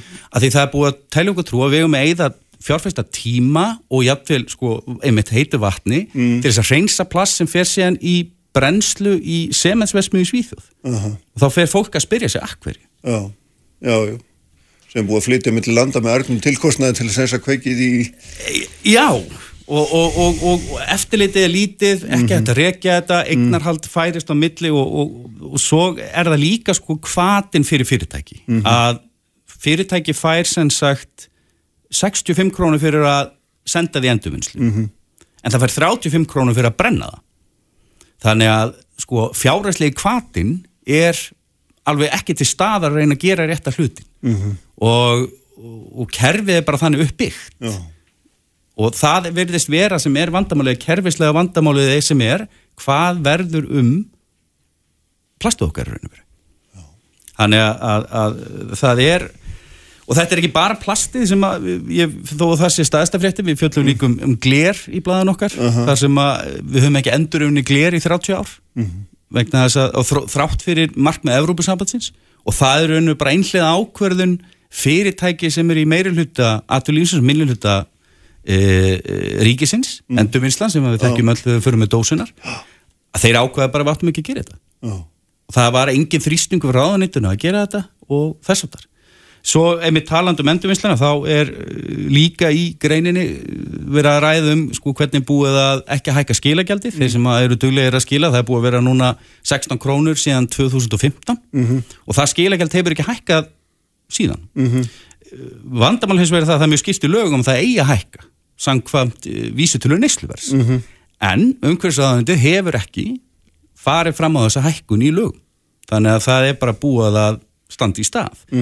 Hins vegar er komið frumvarp í samráðskáttina núna sem allar að hækka þetta gjald mm -hmm. um einakrónu. Vandamál hins vegar við það frumvarp er það að það gegn bara brot á lögum oh. vegna þess að samkvæmt vísliturinn Ísluvers þá er það er þetta komið upp í núna 18,5 krónu. Uh -huh. eh, þegar ég rætti við löffræðingráðunni sinns þá tjáðum við það að þetta hafi verið gert vegna þess að endurvinnslan hafi beðið um að hækka það bara um einakrónu og á þessum tíma hafa fyrirtæki sparað sem mörg hundru miljónir mm -hmm. við það að þurfi ekki að borga hæra endurvisligjald af flöskunum sínum Það er hérna þetta er hérna allt í frólægasta mál Já, það er auðvitað Það er auðvitað víða pottubrótin hann Já, hérna. það er, ég mæli með að þau sem eru að, að, að endurvinna heimi á sér vana að lesa þetta til þess að vita svona hvað gerist eftir að, að við hendur rauðslunum, en þess að ég rætti við, við Greenpeace einstaklingi sem er vinnur fyrir Greenpeace í Malasíku mm. og hann saði mitt við okkur að að öll umræðan snýst um þessa plastmengu sem kemur frá þriði heiminum já. og hann spurði, er það kannski verðan að segja þeir alltaf senda allt plastið ykkar til okkur jú, jú. þar sem þetta endar síðan, þetta er óendurvinnilegt mm. þetta er verðlust og þetta endar alltaf á sorpum í okkur, þetta endar í sjónum í okkur og vötnunum og ánum Já, já, jú, það er hérna og frækt náttúrulega þegar kínverðir hætti að taka á móti plasti þá stóðu við í standandi vandræði Vesturlund. Akkurat. Heyrðu, þetta var fróðlega hérna yfirferð, gaman að fá því, takk fyrir þetta. Ég ætla að hérna bregða mér Vesturum haf, það er alltaf að vera hjá mig Birna Anna Bjöstutir og Nikolai Mosti eftir auðvitað blikk. Sprengisandur á bylgjunni. Brettir þjóðmál og pólitík. Sprengisandur á bylgjunni. Sælir hlustendur, þá er hann farin frá mér hann, hann Bjartmar. Um, Otur Þeir Alessandinsson, bladamöður á stundinni eftir umfjöldum hér um endurvinnsla á plasti þar sem ekki er nú allt allt hérna með feldu uh, ég ætla nú að vikja mér östur um haf til bandaríkjana uh, Nikólei Mosti fyrirhundi alþingismöður eða alþingiskona er hérna hjá mér, sæla blessu og velkomin. Góðan daginn. Uh, og á línunni er síðan Birna Anna Björnstóttir Ritöndur, heyrir í okkur Birna? Já, góðan daginn. Sæla blessuð, velkomin í þáttinn. Takk Eh, við ætlum aðeins að fjalla hérna um þessar sögulegu kostningar sem að mér finnst nú svona að vera Uh, flesti tala og mjög margi tala um að þetta séu mikilvægastu kostningar bara í ára tugi í bandaríkunum og, og þarna og reynum aðeins að skiknast undir, undir yfirborði. Af hverju er þetta svona óbúslega mikilvægt? Ef þú byrjar Nikól. Uh, þetta er svo mikilvægt vegna það sem hefur kengið á síðuslítinn fjögur ár. Mm -hmm. Við hefum séð í rauninu verið svona líðræðiskerfi rinja undir hérna Trump og þess er svo sugulega ekkert síður, ég meina, það losa við honum en mm. það er hérna vegna þetta vald sem hefur í raun að vera snúið í hans hag uh -huh. og að vera nýtt, ég meina kerfum sem voru þetta er svo fyrst að að tala um þetta á íslensku uh, sem hefur verið þar til þess að venda þessi checks and balances já, já, já. þetta er uh -huh. alltaf í ruggli uh -huh. svo að kostningar í ár er svo mikilvægt að, uh, ef þeir fylgis með umræður -huh. þeir eru tala jafn mikið um allt sem er gerist í öldunni þú veist, hérna South Carolina mhm. ótrúlega mikilvægt Texas, ég menna það eru næstum því að snúa það í blátt. Og, og Bláur eru demokrater, nei bláur eru Já, bláur eru demokrater og rauður eru og, og það eru ákveðin fylgir sem eru svona hefbundun rauðt og hefbundun brú hérna, já, já. og það eru svo margir hérna electoral colleges mm -hmm. eða þið veitir þessi atkvæði. Kjörmannakerfið, já. Kjörmannakerfið sem þeir eru reyna að snúa. Já. og allt er lagt undir því. Það er, það er það sem er svo mikilvægt að reyna mm. að koma eitthvað eðli eftir inn til þess að laga þessum kerfum. Já, já Hvað segir þú Byrna? Þú ert búin að vera í New York í mörg ár hérna. Hvað er það að þínum að þetta sem er, er hérna undir? Sko ég held að þessar kostningar séu sögulegar vegna þess að bandaríkinn standa frammi fyrir bara áður og, og, þekktir krísu og krísan sem er í gangi í bandaríkjum núna er auðvitað hefur komið svona fram í gegnum þessa, í gegnum faraldurinn og COVID mm og það er kannski ekki endilega COVID sem hefur búið til misrétti í bandaríkjónum heldur afhjúpað í rauninni hvað innviði landsins eru í rauninni veik þegar kemur að áfallega eins og þessu mm -hmm.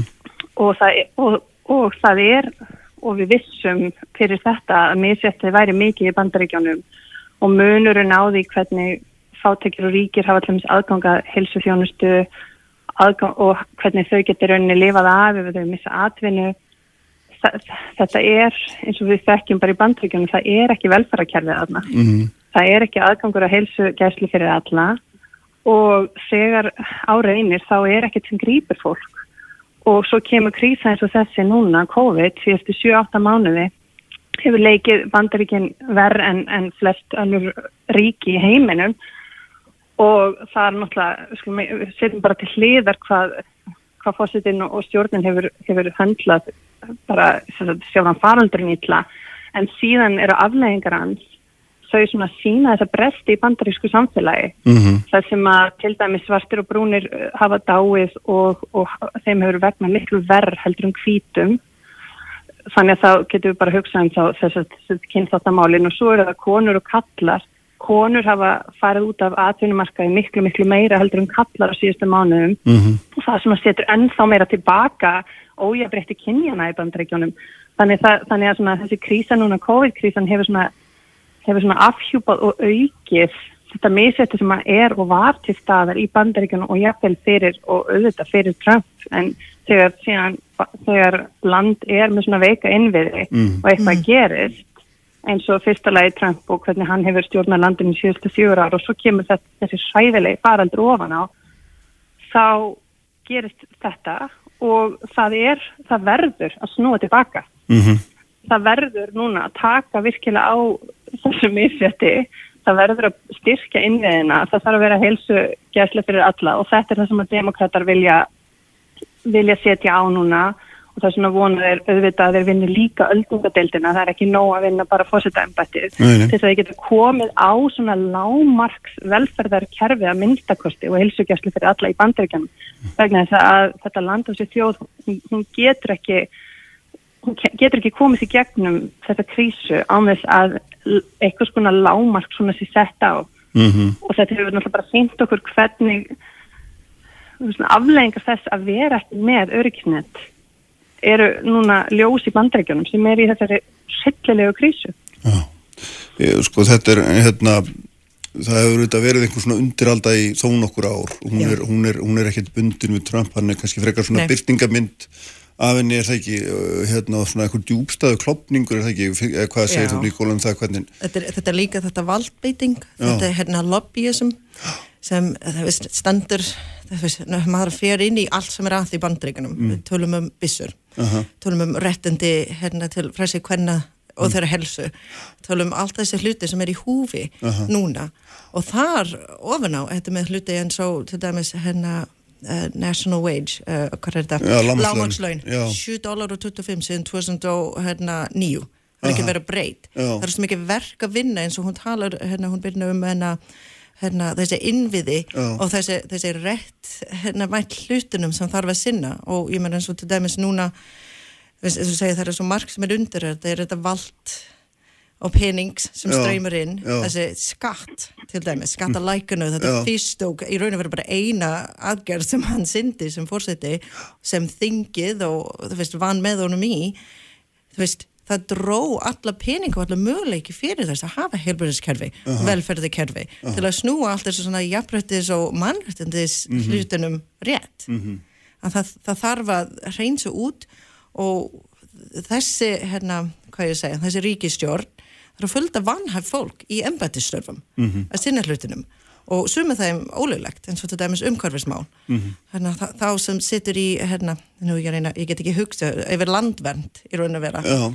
Hann er hérna ólulega ráðun byrna, hann leirverði mig ef það er ekki ef ég er að segja villausan, er hann ekki bara búin að vera eitthvað 400 eitthvað daga meðfram því að, að hann þarf verið samtækt í öldrunudelt hann í rauninu vera er ekkert Jú, ég held nefnilega til, hérna, til viðbótar við sagt, bara COVID-krísuna og jábreytti mm. sem að það er, hefur ykst og afhjúpast þá er náttúrulega heitt risastóra málið sem að í, í því af hverju þetta eru sögulega kostningar, það eru umhverjasmálið uh -huh. og þau eru nefnilega það, ég menn í póliti það getur þetta að gera alls konar hluti og svo kemur bara einhver önnur stjórn og lagar það sem búið er að gera á undan eða á mjög slæm en umhverfismálin eru svona mál sem er ekki sem eru, ó, þau eru óafturkræð mm -hmm. ef að umhverf og umhverf okkar eins viðkvæmt að það er núna ef að hlutir eru gerðir núna sem eru mjög slæmir þá er ekki hægt að laga það mjög auðveldlega á næsta kjörtímabili.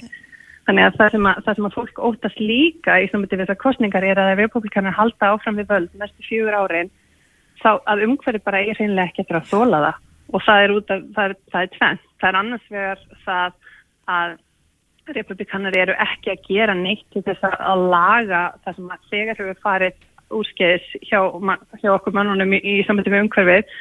Og hins vegar þau, þau eru meiri sig að skemma vegna þess að það hefur verið, taka, verið teknað tilbaka opaslega marga reglugerður um mengun og annars likt í bandaríkjónum á þessu kjörtjumabili stórfyrirtæki, hagsmunni stórfyrirtæki hafa fengið að ráða þar og það hefur verið að það er í rauninni verk að vinna og bara í rauninni laga það sem búið er að gerast á þessu kjörtímbili í umhverfismálum mm -hmm. pluss það að við þurfum náttúrulega síðan þarf eins og við veitum bara öll lönd í heiminum þurfa að gera miklu betri orkumálum að þessu slíku.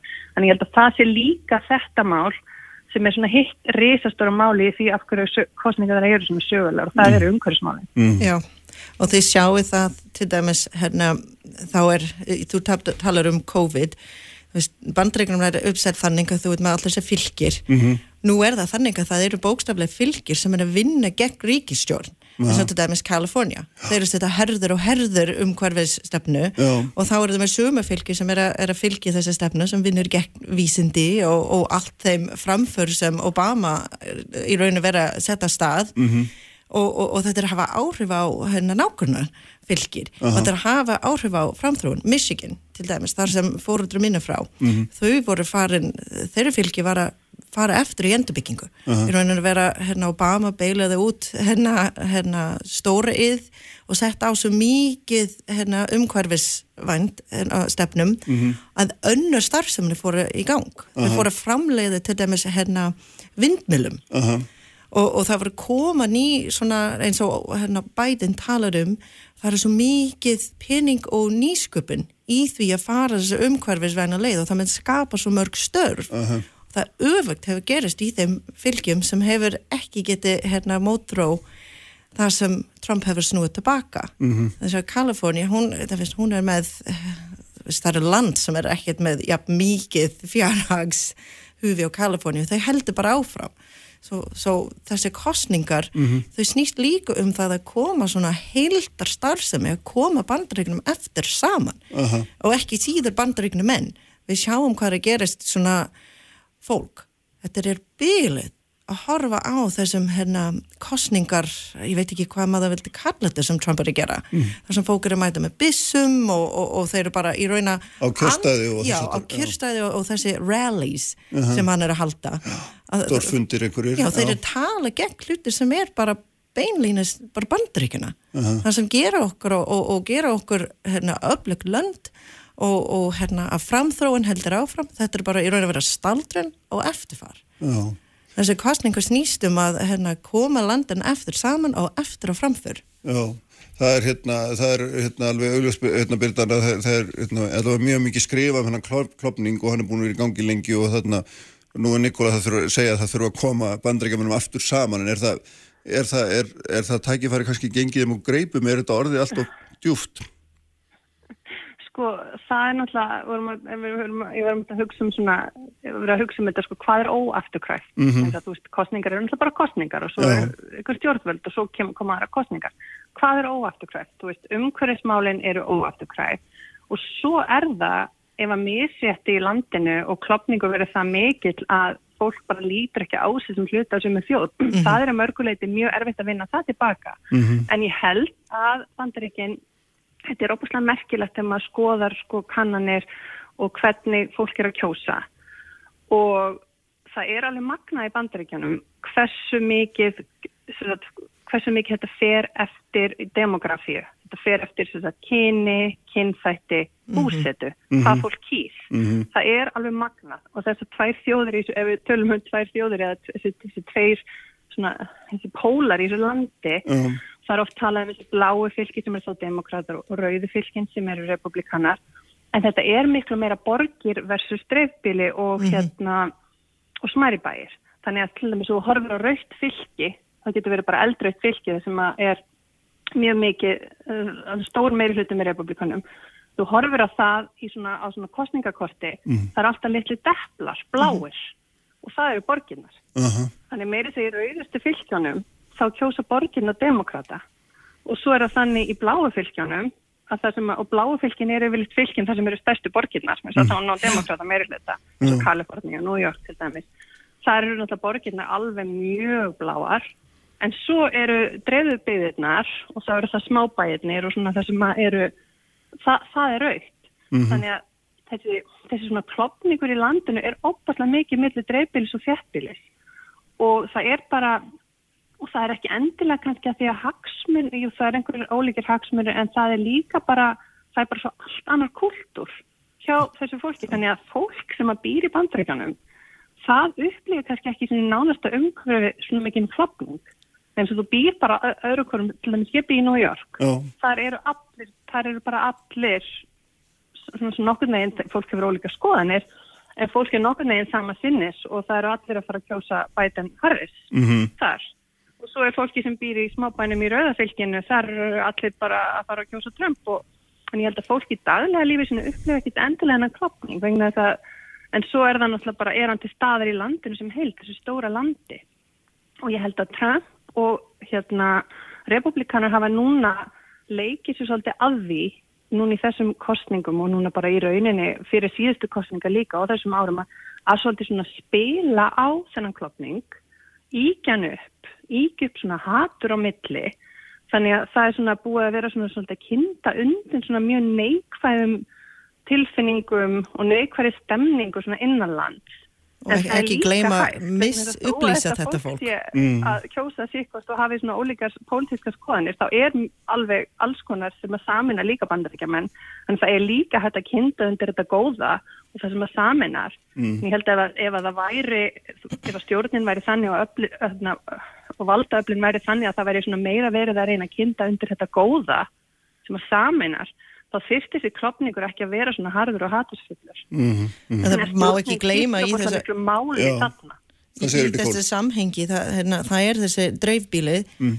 atkvæði þeirra gildi meira þegar það kemur af Electoral College uh -huh. að það er hérna, það er þess vegna að keiri svo hart hvað er síðast þó að já. Trump hafi keira svo hart þar og þau misupplýsa hérna, fólk og, og þessi hræslu hérna, óröður sem hann hefur farið með. Þegar við hertum þetta Suburban White Moms, We've Saved Your Neighborhoods. Uh -huh. móðu mín er að vera bílað yfir þess að hún er, hérna, þó hún er eldri kantinum, hún er bara, ég hef aldrei í mínu lífi upplifið óryggi uh. af hverju ætti það núna og ég, við vorum einmitt að, að tala ekkert fyrir laungu og hún og, og stjúppappi minn, þau var þrætti yfir þessu. Uh -huh. hann var einhvern veginn að kaupa það svo hann þurfti að vera hrætt og ég svo, hvað þarf að vera hrættu við pappi og hann bara það kemur einhver, það er bara stið, þú veist, það er hérna að ræna af okkur. Ræna hvað? Já. Bátinn. Að það fara úti og, og taka bátinn úr vatnið, ég menna hvað er það? En Já. það er nefnilega það sem þau gerst vegna þessi atkvæði þeir skiptur svo mikið málið. Og svo á endinum, einmitt, allt sem þeirra þegar hann fer inn og þeir gera. Mm. eitt sem ég vil segja sem er ótrúlega jákvæð, það er mett átaka í hérna snem hérna utan kjörstaðu hérna, það er hérna farin að sína tölfræð sem er meðtáttaka meðal ungt fólk já. sem er bara alveg geggjað vegna sem við vitum það í kostningar þegar það, það sveipl mm. þessi eins og þú varst að tala um hérna byrjina með þessi hérna greining hérna bakveð hérna fólk.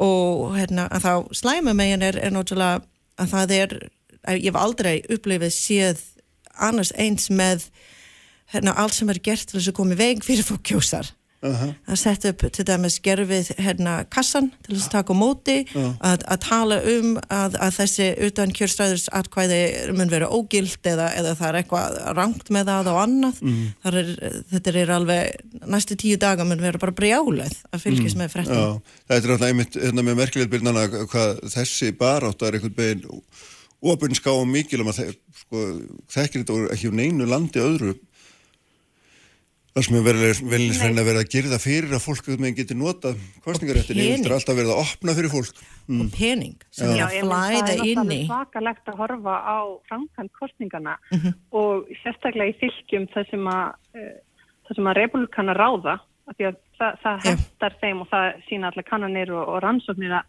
því minni kjörsók því betra fyrir republikana, mm -hmm. því meiri kjörsók því betra fyrir demokrata. Það sem er verið að hefta aðgengja kjörstöðum um, sérstaklega í svona fátæku kjördæmum þar sem að fólk hefur ekki mikil kjósendur hafa kannski ekki mikil bólmagnaða völd og kostan alltaf er það er innbyggt í kerfið að reyna að hefta aðgengi mm. Kost, kjördagur er á sriðju degi og það er ekki gefið frí í vinnunni þannig fólk sem er ekki stöðu til að byrja um frí eða fá frí á hans að missa vinnuna það bara getur ekki farið að kjósa og það er ímslegt svona og svo eru svona kjördæmi þar sem að fátakari búa, mm. þar eru færri kjörstaðir og það eru byrjar í marga klukkutíma og allt slíkt. Og þetta er náttúrulega kjördaminn þar sem að fólk er frekar að fara að kjósa demokrata mm -hmm.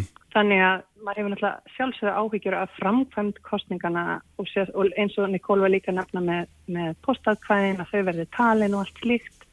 Þess vegna er mikið talað um það núna að hann til þess að demokrater náttúrulega nú bendur allt þessi kannunum að, að Biden Harris séu með miklu, miklu meira fylgi en það er líka talað um það að þau verða að vinna með mjög miklu mun til þess að það verði ekki reynd að fara að draga í efa úrslutin og fara fyrir domstól ég hef, ég, ég hef smá áhyggjur af því að við munum ekki standa uppi fjörða november og vita hvað Nei. gerðist. Ég hef áhyggjur af því að það verði eitthvað reynd að, að draga í efa og, og skoða og tefja úrslutin ef að Biden harfis vinna. Mm.